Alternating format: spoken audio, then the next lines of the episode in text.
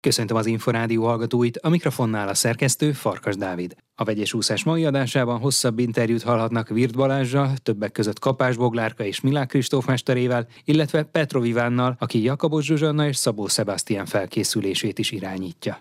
Tartsanak velünk! Eddig optimálisan alakult az új év munkája a legsikeresebb magyar úszó műhely életében. Tudta meg az Inforádió Virt Balástól, aki többek között Kapás Boglárka, Márton Richard és Milák Kristóf mestere is. Az edző nem titkolta, nagy lendületet adott olimpiai bajnok tanítványának az is, hogy az év férfi sportolójának választották itthon. Virt Balázsral beszélgettünk. Két hetes Sopronba töltöttünk, egy hét itthoni munka volt, utána két hét Soproni edzőtábor, majd ez a negyedik hetünk igazából a munkából, úgyhogy eddig, eddig nagyon jó tehát mindenki egészséges, tehát készülünk a következő edzőtáborokra. Milyen feltételek között készültek Sopronban? Két éves gyönyörű új úszoda, nagyon közel egy hotel, úgyhogy igazából nagyon sok időt tölthettünk jó körülmények között. Az igaz edzőtábornak az a lényege, hogy jó körülmények között és tudjanak eleget pihenni. Tehát ez volt a lényege végül is a kimozdulásnak, úgyhogy egy gyönyörű úszodában tökéletes körülmények között nagyon elégedettek voltunk, és szerintem visszatérünk. A vízhőmérséklet mostanában sokszor téma, elsősorban persze a gyerekeknél, akik ugye nagyon nehezen tudják csak megszokni, ha hidegebb a víz, esetleg elmegy a kedvük az úszástól is, de mi a helyzet az öncsoportjánál? Most Sopronban mennyire tudtak ideális vízhőmérsékletben készülni? Hát egy kicsit a megszokottnál talán hősebb volt, 27 alatt volt, én jól emlékszem, de nem, nem volt probléma. Tehát igazából ezt a hőmérsékletet még, még azért ki lehet bírni, úgyhogy teljesen rendben volt. Jó, jó feltételek voltak. Néhány héttel ezelőtt Milák Kristóf vehette át az év férfi sportolójának járó díjat a sportújságírók szavazatai alapján. Hogy tapasztalta, milyen hatása volt, ha volt ennek a díjnak az olimpiai bajnokra? Hát motiváló volt számára második helyre számított. Arra gondolt, hogy volt olimpiai bajnok téli sportákból, és azt gondolta, hogy őt viszik el, de meglepődött, és, és örült neki, hogy nyerni tudott, úgyhogy abszolút motiváló volt számára. Önnek egyébként mennyire fontosak az ilyen díjak? Akár a versenyzők díjai, akár hogyha a saját neve bekerül mondjuk egy tízes listára, hogy felkerült az évedzője listáján a legjobb tíz közé, és ugye végül ötödik lett. Hát mindenképpen jó leső érzés, de hát nagyon nehéz összehasonlítani, tehát nem, nem egyszerű azoknak a dolgok, akik összehasonlítják a sportákat, hiszen teljesen különböző helyzetből futnak neki az edzők, és tényleg olyan teljesítményeket kell összehasonlítani, ami valamelyik sportágban bravúr eredményt kell összehasonlítani egy, egy, egy más sportágban is szinte kötelező eredménnyel, figyelembe venni azt, hogy ki honnan indult, ki mit ért el, ki milyen körülmények között készült, milyen ellenfeleket kapott, milyen a mezőny abban a sportágban, milyen a sportágnak a Magyarországon az elismertséget, van rengeteg olyan, olyan tényező van, amit figyelme kell tenni, és hát ezt, ezt azért ez általában egy játék, úgymond az edzők a sportolók között, tehát nem veszük véresen komolyan, de nyilván jól esik, hogyha ember azt valamit a tízbe. Egyébként hogy látja egy edző munkájára, mennyire látnak rá a sportújságírók? Mégiscsak ez egy szubjektív szavazás, és a szimpátia is benne lehet, akár azok a tényezők, amelyeket ön is említett, de hát egy csomó mindent egy újságíró nem is láthat, csak aztán az eredményeket, illetve a versenyeket elsősorban. Hát igen, ez pontosan így van, úgyhogy tényleg nagyon nehéz lehet ezt összehasonlítani, hiszen egy labdajátéknál ugye az edző sokszor jobban szem előtt van egyértelműen, mint egy egyéni sportágnál, jóval többet szerepel esetleg egy mérkős közvetítésénél is, többet állátnak itt az edzéseken, dől el igazából a, a, a versenyek sorsa nálunk, úgyhogy ezt nyilván kevésbé ismerik, de hát vannak olyan újságírók, akik nyilván szakírók, tudják, hogy mi újság, vannak olyan, ugye, akik a közvetítéseket, az úszó közvetítéseket viszi, ők nyilván többet tudnak, de hát nyilván az, hogy több száz újságíró szavaz, biztos, hogy benne van, benne van az, hogy ki mennyit látogat egy aktuális sporteseményt, ki mennyire van személyes kapcsolatban azok az edzőkkel, tehát biztos, hogy ez számít. Úszásban egyébként az edzők általában egy nap hány órát töltenek edzések tartásával, edzéstervek írásával, szervezéssel, felkészüléssel? A konkrét edzés kb. 5-6 óra, reggel van egy két, két és fél úszás, és egy egy órás tornó, délután szintén egy két-két és fél óra úszás. Ez edzőtáborban általában az több, tehát az a két és fél óra az főleg az edzőtáborban érik el a sportolók. Ezek kívül az edzés tervezés az általában azt mondom, hogy napi egy-másfél órát tölt az ember edzés tervezéssel, mert a konkrét edzés tervezés az lehet, hogy ennyi, de, de az év során annyi változó van, hogy, hogy azért sokszor ezt azért átlépjük Tehát összességében szerintem azért a 6 kötőjel 7-8 óra megvan naponta, amit ezzel foglalkozunk, és hát ezen felül ugye nyilván az a, az a, a keményebbik része, hogy mennyit van egy edzőtávol. Tehát, hogy minden sportoló, amikor elmegy edzőtáborba, akkor az év 12 hónapjából általában 5 nem, nem töltünk a családunkkal, tehát 5 az, amit teljesen külön töltünk mondjuk edzőtáborok, versenyekben, úgyhogy ez, ez egy kicsit ilyen összetettebb dolog. Az edzői munka monotonabb, vagy pedig az edzés munka úszásban? Hú, én nem tartom monotonnak, bár, bár egy monoton sportágról van szó. Mondjuk de... egy csapatjátékhoz képest azért mindenképpen kevesebb a közvetlen inger talán. Igen, de én nem tartom, tehát én eleve munkának se tartom, tehát én nagyon szeretem csinálni, és nagyon abszolút nem tartom munkának, de meg monotonnak se. Tehát annyi megoldandó helyzet, meg, meg feladat van, hogy sokszor, amikor eltervezel egy edzést, akkor sokszor az élet átírja, vagy át kell írni, amiatt, hogy, hogy vagy nem úgy sikerül, vagy, vagy, vagy betegség, vagy kihagyás, vagy bármi közben, úgyhogy állandóan észre kell lenni, és javítani, vagy, vagy átírni, vagy, vagy közös edzéseket csinálni, kreatívnak lenni, tehát hogy abszolút nem, nem monoton. Nyilván a vízbe egy más történet, mikor, mikor két órán keresztül faltófali úsztak a versenyzők, de, de az is egy szépsége, hogy a monoton sportákban úgy megcsinálni egy edzés, hogy ne érezze monotonnak ezt a dolgot. Tehát, hogy ez, ez nagyon, azt mondom, az egyik legnehezebb feladat, és nyilván minél idősebb egy úszó, annál nehezebb ezt, ezt megteremteni a számára, de, hát talán ezért nem egy unalmas sportág a miénk. A monotónia tűrés egyébként mennyire fejleszthető? Mennyire látszik egy gyereknél, hogy hogyan tud mondjuk akár egy órát, két órát, két és fél órát fegyelmezetten úszni, és javíthatnak-e az évek ezen még fiatal korban? Abszolút, a, a kérdés nagyon jó, mert, mert úgy, hogy mondtam, fiatalkorban ez, ez abszolút javítható, meg, meg, meg fejleszthető, befolyásolható, viszont azért nyilván egy idősebb versenyzőnél, amikor nagyon kialakult felkészülési rendszere, akkor abból már nagyon nehéz egy nagyobb teljesítmény, vagy nagyobb, nagyobb mennyiségű munka felé kimozdítani valakit. Tehát vannak olyan sportolók, akik nagy részt egy állóképességű munkából érik el a sikereiket. Gondolok egy bogira, kapás bogira, akinek nagyon-nagyon különbözik mondjuk a, mind a felkészülési rendszere, mint pedig a saját egyéni terhetősége, monotónia szempontjából nagyon különbözik mondjuk a Milák Kristófétól, de mind a kettőnél, mind a mennyiség, mind a minőségi munka annyira eltér, hogy nehéz összehasonlítani ezt. Tehát ami a Kristófnak esetleg még soknak tűnik az ő rendszerébe, az még a Boginak, Boginak esetleg egy teljesen átlagosnak. És ugyanez még az intenzitás részszerűséget fordítva. Ahány sportoló, annyi igény van arra, hogy, hogy a maximumot kihozzuk belőlük, ezt felnőtt szinten értem természetesen. Egy és negyed éve dolgozik egy ilyen nagyobb csapatban, öt versenyzővel gyakorlatilag együtt, még akkor is, hogyha voltak olyan időszakok, amikor egy-egy versenyző hiányzott ebből az ötösből. Mennyit változott a munka, akár egyébként a versenyzők egymás közötti kapcsolata mennyit alakult ez alatt az idő alatt? Mindenképpen összeszoktak, összeszoktunk, tehát az elején nagyon-nagyon figyelem kellett arra, hogy sem a közös edzések, sem a külön edzések ne menjenek egymás kárára, tehát az nagyon fontos volt, hogy észrevegyem azt, hogy mennyire lehet őket egységesen, egyformán bizonyos típusú edzésekbe terhelni, és mi az, amikor külön kell válnunk. Ez nyilván nem csak az ő összeszokások, hanem nekem is meg kell szoknom ezeket a dolgokat. De úgy érzem, hogy, hogy az első fél év után ez, ez, ez így nagyon jól működött, és, és most is az edzőtáborokban azt tervezem, hogy nyilván az egyéni sajátosság mellett, amit csak lehet, próbálunk másokkal is együtt edzeni. Arról már többször is volt szó, hogy ez az időszak az edzőtáborozásoké, hiszen így van nagyobb esély arra, hogy az influenzát, koronavírust, illetve az egyéb enyhébb vírusos fertőzéseket elkerüljék a sportolók. És ugye azt is tudjuk, hogy Tenerife, illetve Tájföld lesz az a két helyszín, amely a magyar úszók többségének, a legjobb magyar úszók többségének szóba kerülhet ebben az időszakban. Van, aki egyébként már most is külföldön van, és önök is ezeket a helyszíneket választották. Ezek a helyszínek a legjobbak, vagy pedig korlátozottabb lehetőségek közül választhattak? Hát alapvetően a legjobbak, aztán ezek már kipróbált helyszínek. Tájföldről azt kell tudni, hogy egy edzőközpontban készülünk, ahol nagyon hőmérséklet van, ilyen 30 körüli hőmérséklet, és nagyon magas páratartalom. Nehézséget okoz neki az első héten, és egy, egy icipicit tudnám ahhoz hasonlítani, mint a magaslaton való edzésnek a nehézségeit. Az első héten kicsit megviseli őket, nagyon nehéz ilyen magas páratartalomban edzeni, de mindig nagyon jól sikerültek ezek az edzőtáborok, és nyilván a jó idő miatt pedig mindig egészségesen jöttünk haza. A második edzőtábor a Szemenyisfei pedig amellett, hogy, hogy melegégövi, azt gondolom, hogy a, a távoli úti célok helyett azért is került szóba, mert jóval olcsóbb, jóval közelebb van, kisebb az átállás probléma. Ebben az időszakban ott, ott egészen jó idő van, ilyen 20-25 fok körüli hőmérséklet. Tavaly beleszaladtunk egy picit hűvösebb időbe, de, de most egy jóval később időpontban megyünk, úgyhogy azt gondolom, hogy ez mindenképpen az remélem ettől, hogy, hogy jobb, jobban sikerül, mint a tavalyi. Ugye tavaly egy betegség is terhelt ezt az edzőtábort, én úgy gondolom, hogy a később időszakban már nem fordulhat az előtt. Ugye azt hallani lehet, hogy Milák Kristóf szereti is ezt az edzéshelyszínt évek óta. Ő nagyon, ő nagyon szereti, nagyon szereti, és nagyon élvezte is a tavalyit, úgyhogy nagyon várjuk is. Mindenképpen arra számítok, hogy ebben a két edzőtávol megalapozzuk az évet. Az elmúlt évben azért megpróbáltatásokkal teli volt ez az időszak, különösen kapás Boglárkának. Neki ugye a derékfájdalma nagyon sok időt elvett a munka érdemi részéből.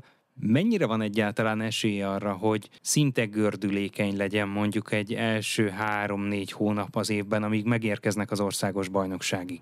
Azon múlik, hogy egészséges lesz-e. Ugye tavaly főleg a, hogy említett is a sérülés, illetve a, betegségek okozták a problémát. Én azt gondolom, hogy sokkal jobb állapotban, tehát lelkileg is jobb állapotban, és, és azt gondolom, hogy ettől pedig fizikailag is jobb állapotban. Én abszolút azt éreztem januárban, és azt szeptemberben is már elmondtam, de, de januárban egyértelműen, hogy abszolút érzem rajta, hogy jól terhet, motivált, az a Bogi jött az uszodába, mint ami a, a világbajnokság évében, úgyhogy én azt gondolom, hogy az országos bajnokság van elég idő felkészülni, és január első hetét tekintve, onnan számolva 16 hét áll rendelkezésre, azt gondolom, hogy ennyi alatt nagyon jól fel készül. Melyik városa, melyik helyszínen motiválja a versenyzőket ebben az időszakban? Kaposvárral, Fukókával, vagy akár már most Párizsa? lépés lépésre haladunk, tehát nyilvánvaló kaposvár, főleg a bogi esetében. Tehát hogy azt gondolom, hogy ha egészséges lesz, és tényleg az a 16 et végig dolgozza, akkor a kaposváron egy olyan eredményt várok tőle több számban, ami közelít, illetve az is lehet, hogy, hogy hogy talán el is éri azokat az időket, amit ebben az időszakban szokott. Úgyhogy mindenképpen olyan célokat tűztünk ki, hogy, hogy már az ob látható legyen valami ebből a úgymond ígéretből, hogy a Bogi visszatért, tehát ezt mindenképpen az ob azt szeretném látni. És hát nyilván a világbajnokság a fogóka, hiszen ott azért látni fogunk egy képet egy évvel az olimpiának újság, úgyhogy nyilvánvalóan nagyon-nagyon várom ezt, és egészségesen tudjuk készülni. Virt Balást, az Újpest úszóedzőjét, többek között Kapás Boglárka, Márton Richard és Milák Kristóf mesterét hallották. Vegyes úszás. Az Inforádió úszósport magazinja nem csak úszóknak.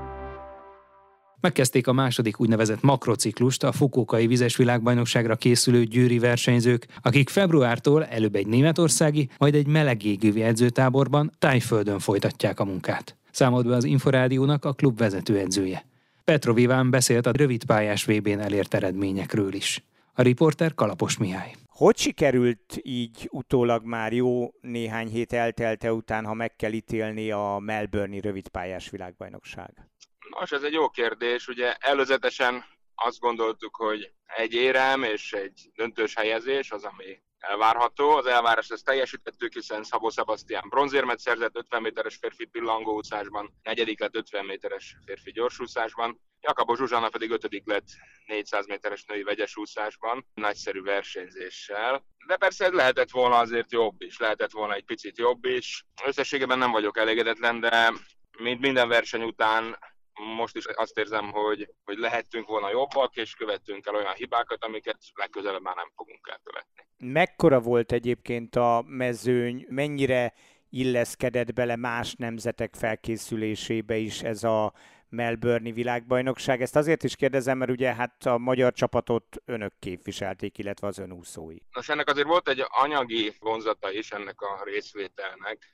Tehát én azt gondolom, hogy ez is szerepet játszott abban, hogy csak a Szabó Szabasztán és Jakabos Zsú képviselték Magyarországot a medencében, hiszen ez egy távoli ország, hiszen itt az időátállás az 10 óra, hiszen akkor már egy előzetes edzőtábort érdemes ott eltölteni, hogy az ember jobban szerepeljen. Hogy mennyire illet bele az felkészülésbe, én azt kell, hogy mondjam, hogy az elmúlt évekkel ellentétben, kivéve persze a covidos évet, sajnos 2022-ben kevesebbet tudtunk versenyezni, hiszen világkupából csak három viadalt szerveztek meg, ebből kettőt a tengeren túlon, egyet Berlinben, ez utóbbi részt is tudtunk venni. Az International Swimming League, ez az úgynevezett ISL, tehát ez a Nemzetközi Úszóliga pedig teljesen lenullázódott.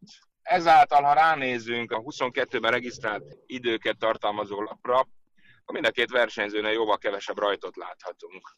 Most ezen enyhített egy picit ez a rövid pályás világbajnokság. Mi nagyon örültünk, hogy részt tudtunk rajta venni, és szerintem nagyon hasznos volt, hiszen idén Japánban világbajnokság a nyáron, jövőre Katarban, februárban egy kérdéses névójú világbajnokság, és aztán már olimpia. Tehát ez egyike volt gyakorlatilag a kettő sansznak, amikor a világ legjobb úszóival tudtunk küzdeni. És ez nagyon fontos, hogy az ilyen lehetőségeket ne hagyjuk ki, szerintem, illetve a, a mi versenyzőinknek. Azt láttam a mezőnyben, hogy azért elég sok nemzet komolyan vette ezt a világbajnokságot. Most egyébként hol készülnek a tanítványai Győrben? Igen, Győrben készülünk 25 méteres medencében, edzünk. Ugye sok itt a, itt a paláver és sok a különböző vélemény, hogy jaj, jaj, be van zárva az 50 méteres úszoda, mi lesz most velünk. Én azt mondom, hogy most még januárban nyugodtan tudunk 25 méteres medencében edzeni, ősszel a rövidpályás szezon alatt ez, ez adta is magát. Nyilván jobb lenne. Nyilván sokkal jobb lenne, hogyha az 50-es medence is nyitva lenne, tehát amikor itt az iskolákban 18 fok van, akkor nem gondolom, hogy azon kéne nekünk mérgelődni és hisztizni, hogy, hogy miért nincs itt ez a medence. Hát sajnos ilyen helyzet van, próbáljuk kihozni ebből a legjobbat, és örülünk annak, hogy egyáltalán van víz. Nem tartok elképzelhetetlennek ennél rosszabb forgatókönyvet, akármilyen szempontból.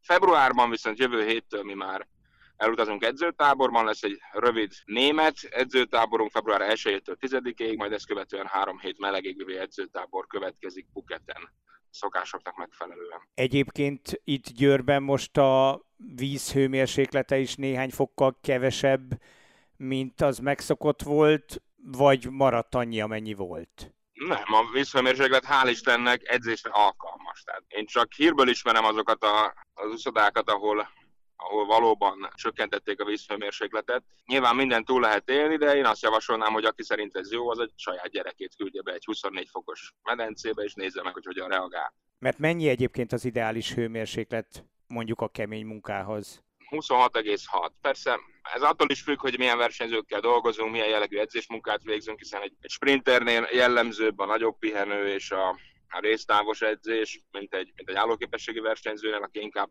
hosszú, extenzív feladatokat teljesít. Én azt gondolom, hogy egy komoly versenyúszónál a 25 fokos víz az helyrehozhatatlan károkat okozhat, de akár vízilabdázónál is sérüléshez vezethet. Említette már Puketet, ott mennyi időt töltenek majd, illetve látja teljesen Fukókáig a felkészülési menetet? Igen, Puketen három hetet fogunk tölteni a rövid németországi tartózkodást követően, majd márciusban szeretnénk részt venni egy egy-két hosszúpályás versenyen.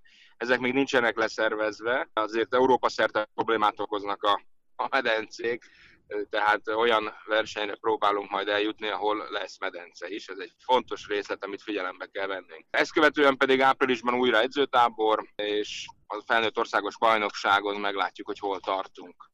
Nyilván a felnőtt bajnokság után még néhány hazai és külföldi edzőtábort még szeretnénk, illetve versenyeket, a szokásos Mare Nostrum versenysorozatot, emellett pedig akár a Sette Collit, hogyha az időnk engedi.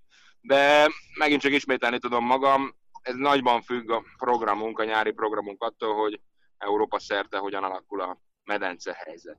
Ugye az országos bajnokság után dől el, hogy ki milyen számban indulhat a Fukókai világbajnokságon mi a cél, akár Szabó Sebastian, akár Jakabó Zsuzsanna, hány számban és miben? indulna. Zsó azt gondolom, hogy a klasszikus 400 vegyes 200 pillangó kombináció mellett a 4x200-as női gyorsváltót szeretné erősíteni, ehhez kell a lehető legjobb eredményeket elérnie a felnőtt országos bajnokságig, a versenyeken, illetve magán az országos bajnokságon. Szabó Sebastian pedig, hát mint világbajnoki negyedik helyezett 50 gyorson, ott próbál újra helytállni, emellett a 4x100-as férfi gyorsváltó és az 50 méteres férfi pillangóúszás lesz az ő fő területe. Nyilván nem kizárt, hogy 100 méteres férfi gyorsúszásban is kalandozni fog egy kicsit, de a 100 pillangó az sajnos a programban abszolút üti az 50 méteres gyorsúszást. Azért ezúttal nem fog ringbe szállni. Meg lehet egyébként már most fukókai célokat fogalmazni úgy, hogy tulajdonképpen még nem is tudjuk, hogy melyik versenyző melyik számban indul.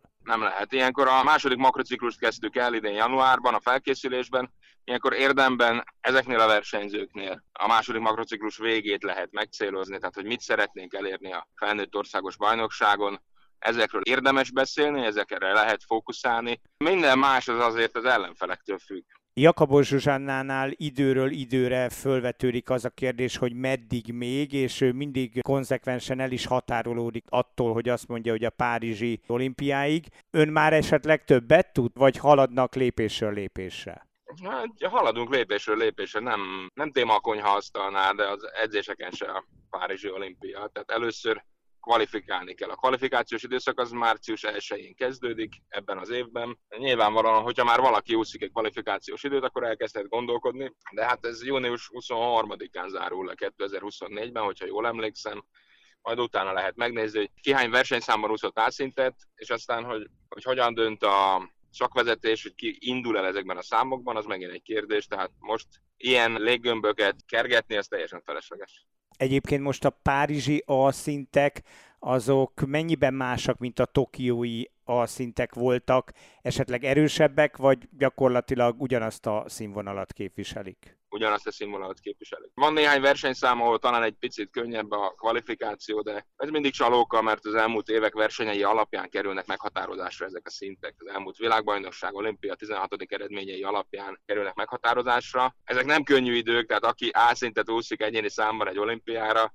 Hát ez egy fantasztikus úszó, ez egy fantasztikus úszó, de világbajnokságra ugyanezt tudom mondani, tehát akinek van egy ászintje világbajnokságra, az gyakorlatilag azt jelenti, hogy a világ top 20 úszójában bármikor benne van. Hát aztán, hogy a versenyen mi történik, az már nyilván egy másik kérdés, ki mennyire viseli el a stresszt, ki milyen formában érkezik oda, az ellenfelek mennyit tudnak javulni, vagy esetleg mennyit romlanak a, a kvalifikált teljesítményükön, az egy egészen más kávéház maga a verseny. Petrovivánt, a Győr vezetőedzőjét, Jakabos Zsuzsanna és Szabó Sebastian mesterét hallották. Vegyes úszás. Az Inforádió úszósport magazinja nem csak úszóknak.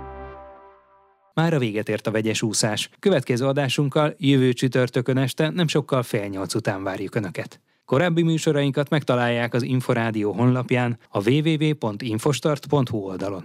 Kollégám Kalapos Mihály nevében is köszönöm figyelmüket. Én Farkas Dávid vagyok, a Viszonthallásra.